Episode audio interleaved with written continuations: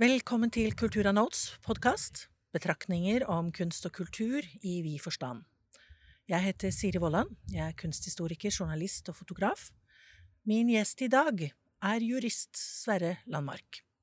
Han har jobbet mange år i Aspelin Ram, som er et utbyggerselskap, før han ble rådgiver og partner for eh, eiendoms- og utviklingsprosesser i tidlig fase i et selskap som heter Probis.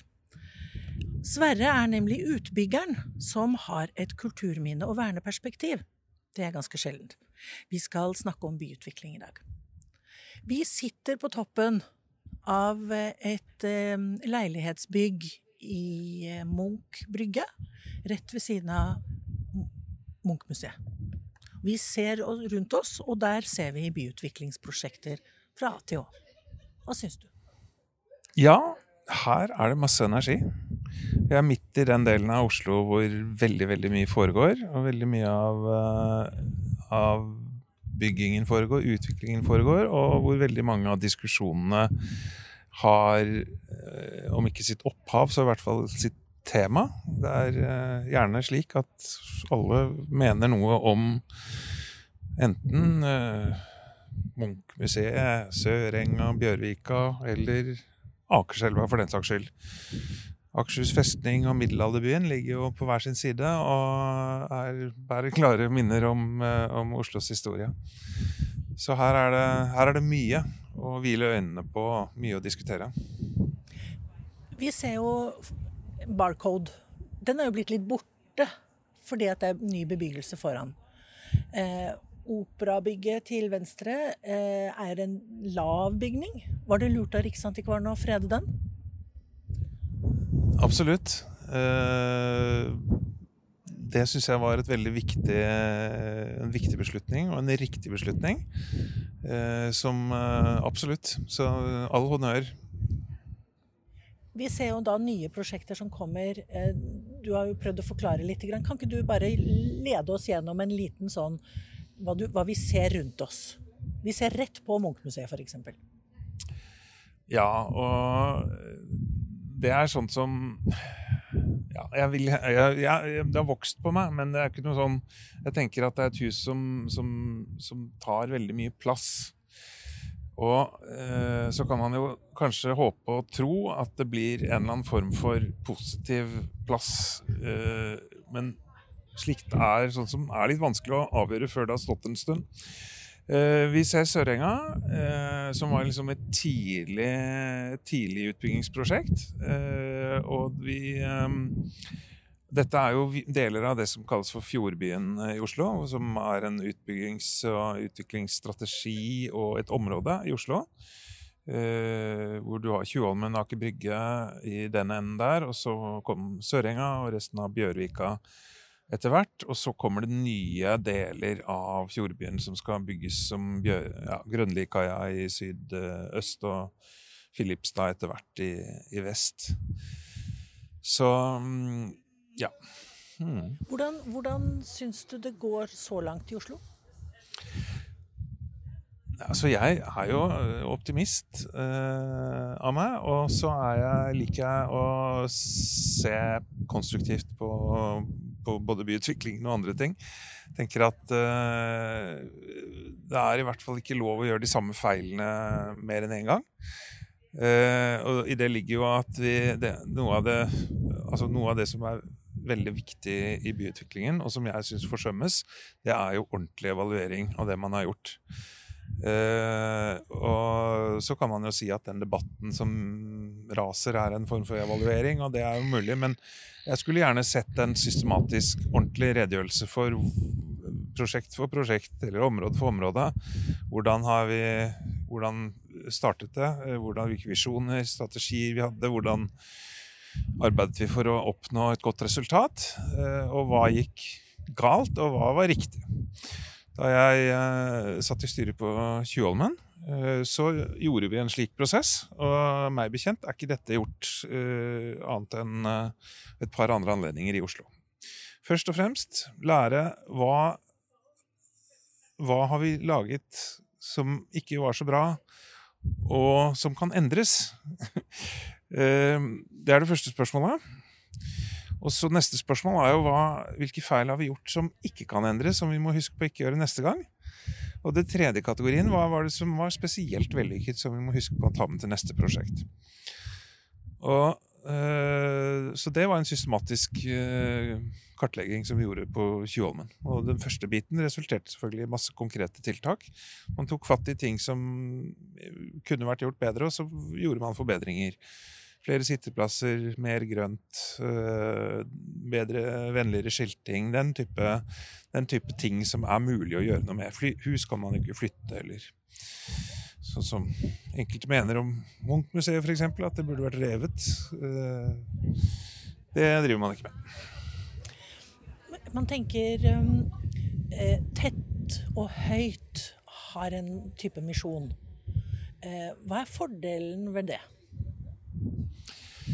Så dette handler jo om å utnytte, utnytte byggesonen.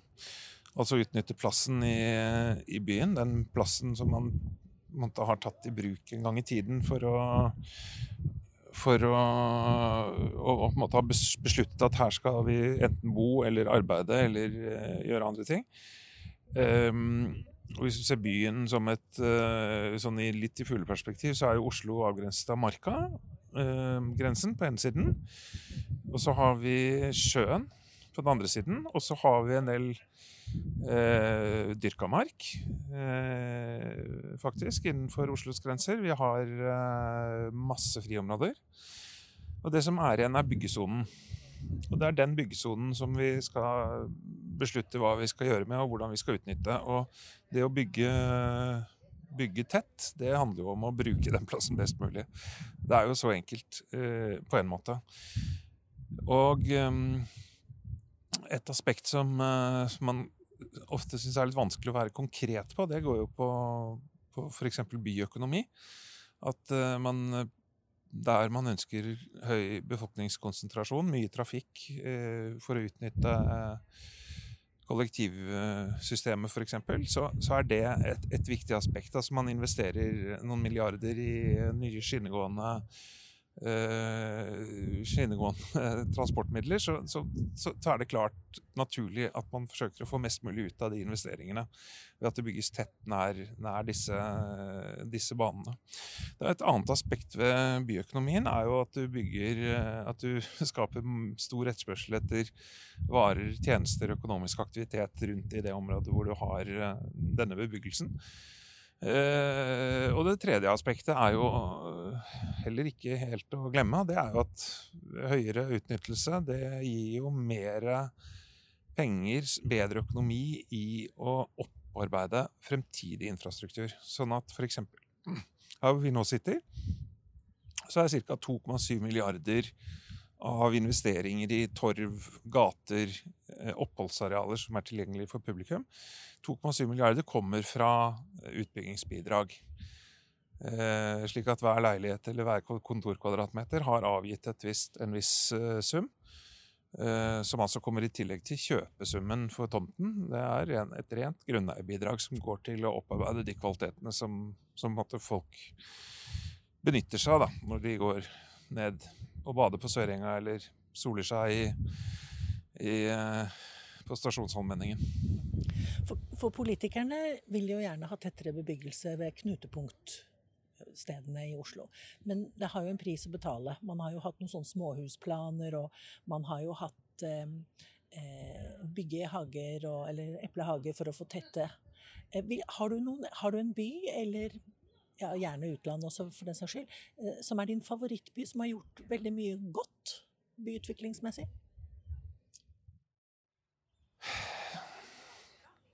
Altså, jeg, jeg syns jo at Oslo har gjort ganske mye godt. Jeg, jeg syns at vi er veldig snare til å finne feil.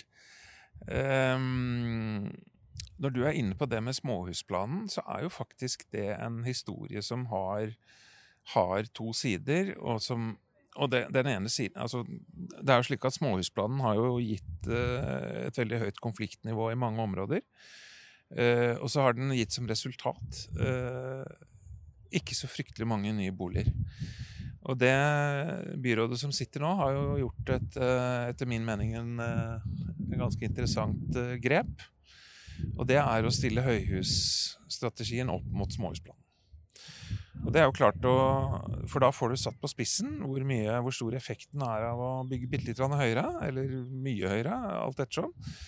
Eh, opp mot det å fortette eh, villaområder som kanskje ikke ligger så nær eh, kollektivdekningen.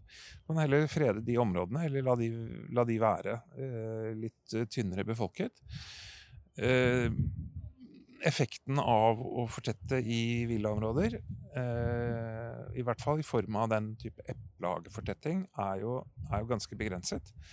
Det er høyt konfliktnivå, som nevnt. Det er stor belastning på det kommunale apparatet. Politikerne bruker uforholdsmessig mye tid på, på å ta stilling til utbygginger som, som gir, gir relativt lite.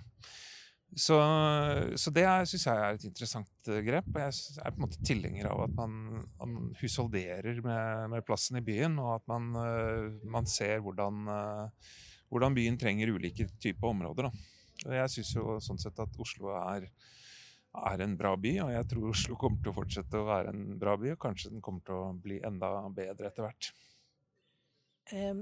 Alle de store byene i Norge de har jo noen eh, utfordringer. Enten er det en fraflyttingsby, eller så er det en tilflyttingsby. Og så er det jo noen byer som vil oppleve mye av det samme som Oslo kanskje gjør, at de får veldig mye tilflytting. Eh, og da er det jo da bygge store leiligheter eller små leiligheter, eller om det er studentleiligheter eller ikke sant.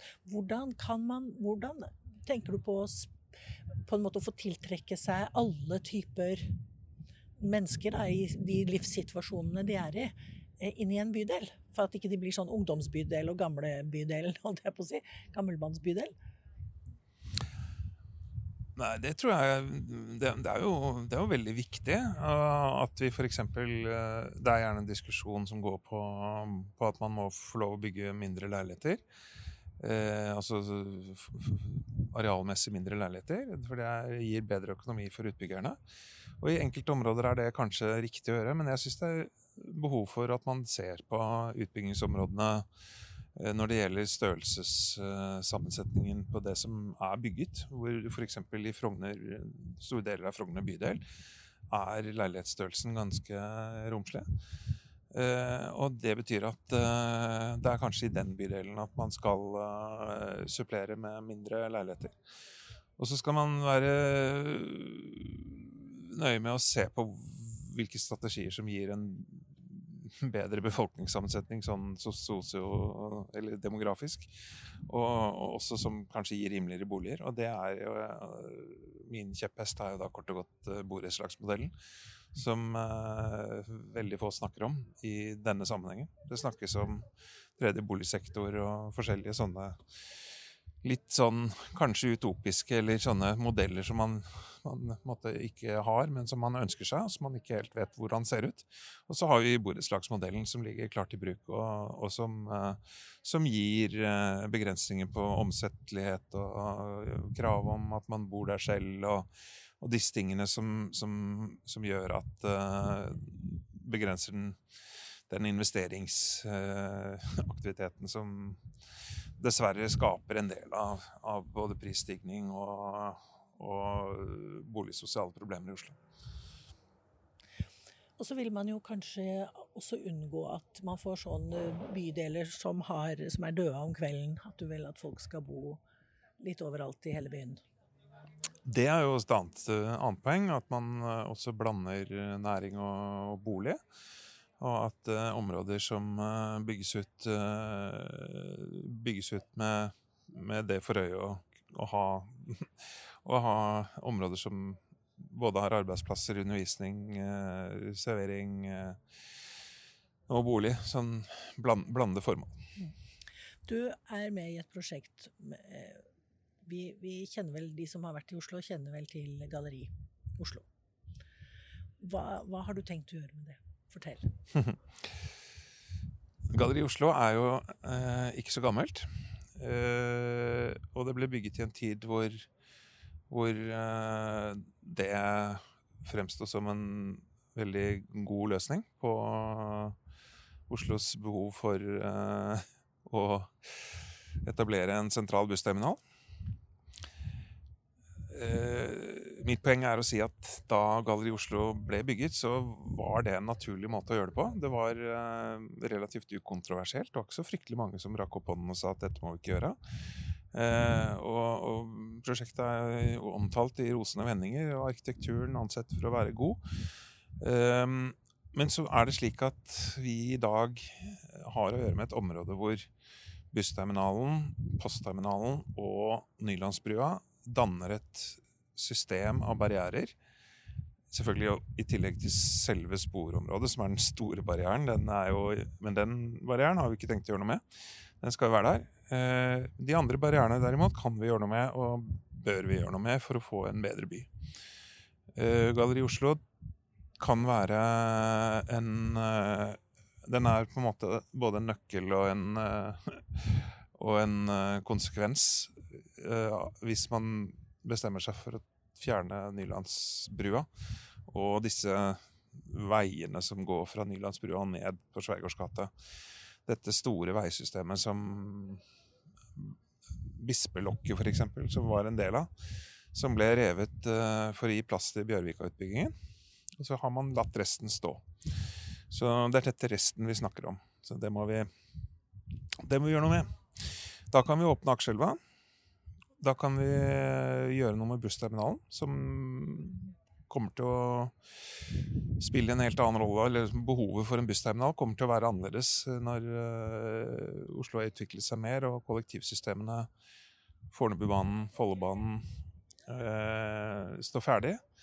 Så har vi et annet behov for, for bussterminal som man kan løses på en annen måte. Men å rive bygget tror du ikke? Jo, og det å rive bygget, det eh, Oslo bussterminal i dag er jo en, en Den går jo over Akerselva. Fra en stor del på størstedelen på østsiden av Akerselva, altså en litt mindre del på vestsiden av Akerselva, og et lokk over Akerselva. Og det å måtte, fjerne lokket over Akerselva, eh, det betyr jo at man, man også berører en stor del av Oslo bussterminal. Eh, erstatte de, den eksisterende bebyggelsen med, eh, med, for det første en åpen akerselv og en åpen bebyggelse som gir smug og gater eh, som, som, i en by. Eh, det, er, det, er, liksom Det er jo det som ligger på bordet som et forslag da, fra eiernes side. I en by som har grodd fram gjennom noen hundre år, så er det jo bygninger du vil bevare andre bygninger som ikke skal bevares. Hva er dine tanker om bevaring versus modernisering og utvikling? Eh, byen har utviklet seg, og byer har alltid utviklet seg. Roma er bygget lag på lag, og man har tatt uh, en bygning og gjort den om til noe annet, eller revet den, brukt uh, steinen til noe annet. Man har bygget lag på lag gjennom 2000 år. Og Oslo er jo blitt til på litt av samme måten. Det betyr at vi i sum så har vi en by som er bygget eh, Altså eldste bygningen i det som nå er Oslo, er jo Gamle Aker kirke fra slutten av 1100-tallet. Og, og, fremover så har vi jo fått bygg som har uh, ulike funksjoner og har spilt ulike roller opp igjennom. Og så har vi noen som er stygge uh, bygninger, og så har vi noen som er spesielt fine. Og så har vi kort og godt den, det, vi, det, vi, forbinder med en by, er jo det vi ser rundt oss. Og så tenker jeg at uh, vi uh, som i, lever i dag, vi må jo sørge for å, å bygge de bygningene som antikvarene skal frede uh, om noen år. Så det er viktig, men det er ikke alle bygg kan vi ikke ha den ambisjonen for. Men vi skal i utgangspunktet ha som ambisjon at vi skal bygge det beste som vi er i stand til i, i vår tid. Eh, og så er det noen som syns at eh, har, det er gjort mye feil opp igjennom. Og så kan man jo mene at de feilene kan man gjøre noe med, eller, la det være. Det har ikke jeg så veldig sterke oppfatninger om, men jeg har også jeg har én oppfatning som er ganske sterk, og det er at det er en god del av de tingene vi har bygget som vi må ta vare på ikke fordi de har veldig sterk kulturminneverdi, men fordi de rett og slett er en del av, en del av byen. Uh, et av de husene jeg har brukt som eksempel på akkurat det, er jo kaffehuset på Filipstad. Som uh, jeg tror uh, Min teori da, er at hvis du snakker med folk i Oslo, så vil veldig mange tenke at hvis det huset blir borte, så blir det en veldig viktig del av identiteten til Filipstad-området. Innkjøringen til Oslo vestra vil, vil bli borte. Og så har du en annen ting, og det er jo at det bygget hvis, altså, Skal du drive, lage en perfekt byplan, så er det jo veldig fint å kunne starte med helt blanke ark. Og det gir kanskje perfekte byplaner, men det gir ikke nødvendigvis de gode byplanene. De gode byplanene er de som eh, er smidd rundt eh, punkter som gir motstand. Og bygninger som står der, enten det er Akershus festning eller om det er Kaffehuset eller andre ting, som vi rett og slett bare skal la være. For det er Oslos preg. Så, så det er eh, Det er litt vanskelig å sammenfatte i en setning hva jeg syns om, eh, om, eh, bygningsarv. For det, det, er så mangt. Men først og fremst så er jo av den oppfatning at det å ha årringer og ha historien levende og lesbar rundt omkring i byen er av veldig, veldig stor verdi. Så vi ser jo at de områdene som mangler den, den, den historiske friksjonen, de, de, mangler noe. Så jeg hadde jo gleden av å jobbe med Vulkan, f.eks., som hadde viktige bygg fra den tiden uh, Oslo ble industrialisert, eller Norge ble industrialisert, og som man da kunne arbeide med å, å gi innhold som, som fungerer i vår tid, som gjør at de bygningene kan, kan, leve, og hvor folk kan gå og se på bygningene, både utvendig og innvendig, med undring, og, og lære om, om, hvordan Oslo var før i tiden. Men jeg hadde også gleden av å jobbe med områder som, som ikke hadde den type bygg, og, og, så at det var en helt annen, annen greie. F.eks. på Tjuvholmen så hadde vi måtte, kaikantene. Det var det som var. og de ble jo selvfølgelig tatt vare på. Og så fikk man gjøre det beste ut av å skape, skape by på et sted hvor, hvor, det ikke har vært by før, og hvor, hvor det man bygger, nødvendigvis må bli nytt. Jeg tenker jo det Vi skal jo bygge i dag det som skal bli kulturminner om 100 år. Er det noe som er bygget i de seneste årene som du tenker det er et bygg for framtidas bevaring? Tror du det? Har du tenkt på det? Ja, altså mm, Vi har eh, Vi har jo bygg som det vi ser bort på nå, som er Forsvarets ledelsesbygg, som er spesielt interessant fordi det er dels et, eh, et transformasjonsprosjekt, eh, altså et rehabiliteringsprosjekt, hvor man har tatt eldre og bevaringsverdig bebyggelse og og fornyet eh, til dagens bruk. Og så har man skjøtt på eh, et bygg som etter min mening har veldig høy kvalitet. Sånn estetisk og bruksmessig, som, eh, som i dag er kontorer for Erna og hennes stab. Eh, og et godt eksempel på bygg som, er, eh, som har både i seg en sånn Det er ikke sånn påfunnbygg hvor man bare er nødt til å vise at eh, Se hvor moderne vi er, eller et eller annet sånt. Det er bygg som har, uh, viser at det har røtter, men som også, også utvilsomt er bygget i vår tid, og, og ikke utgir seg for å være noe annet enn det. Uh, og det er bygg som jeg tror bare vokser. Og det er andre bygg i samme kategori, eh, som f.eks. Kristiania-kvartalet, som eh, min tidligere arbeidsgiver eh, utviklet eh, lenge før jeg begynte å jobbe der, som jeg også syns er et kjempefint eh, kompleks eh, som kommer til å stå seg. Og som er eksempel på at det med å velge ordentlig gode materialer og bygge med, veldig god arkitektur, det, det, det er det er bærekraftig på en helt annen måte enn å, enn å bygge veldig, veldig, veldig moderne og veldig i tiden, samtidig som man er veldig opptatt av å gjøre ting på budsjett.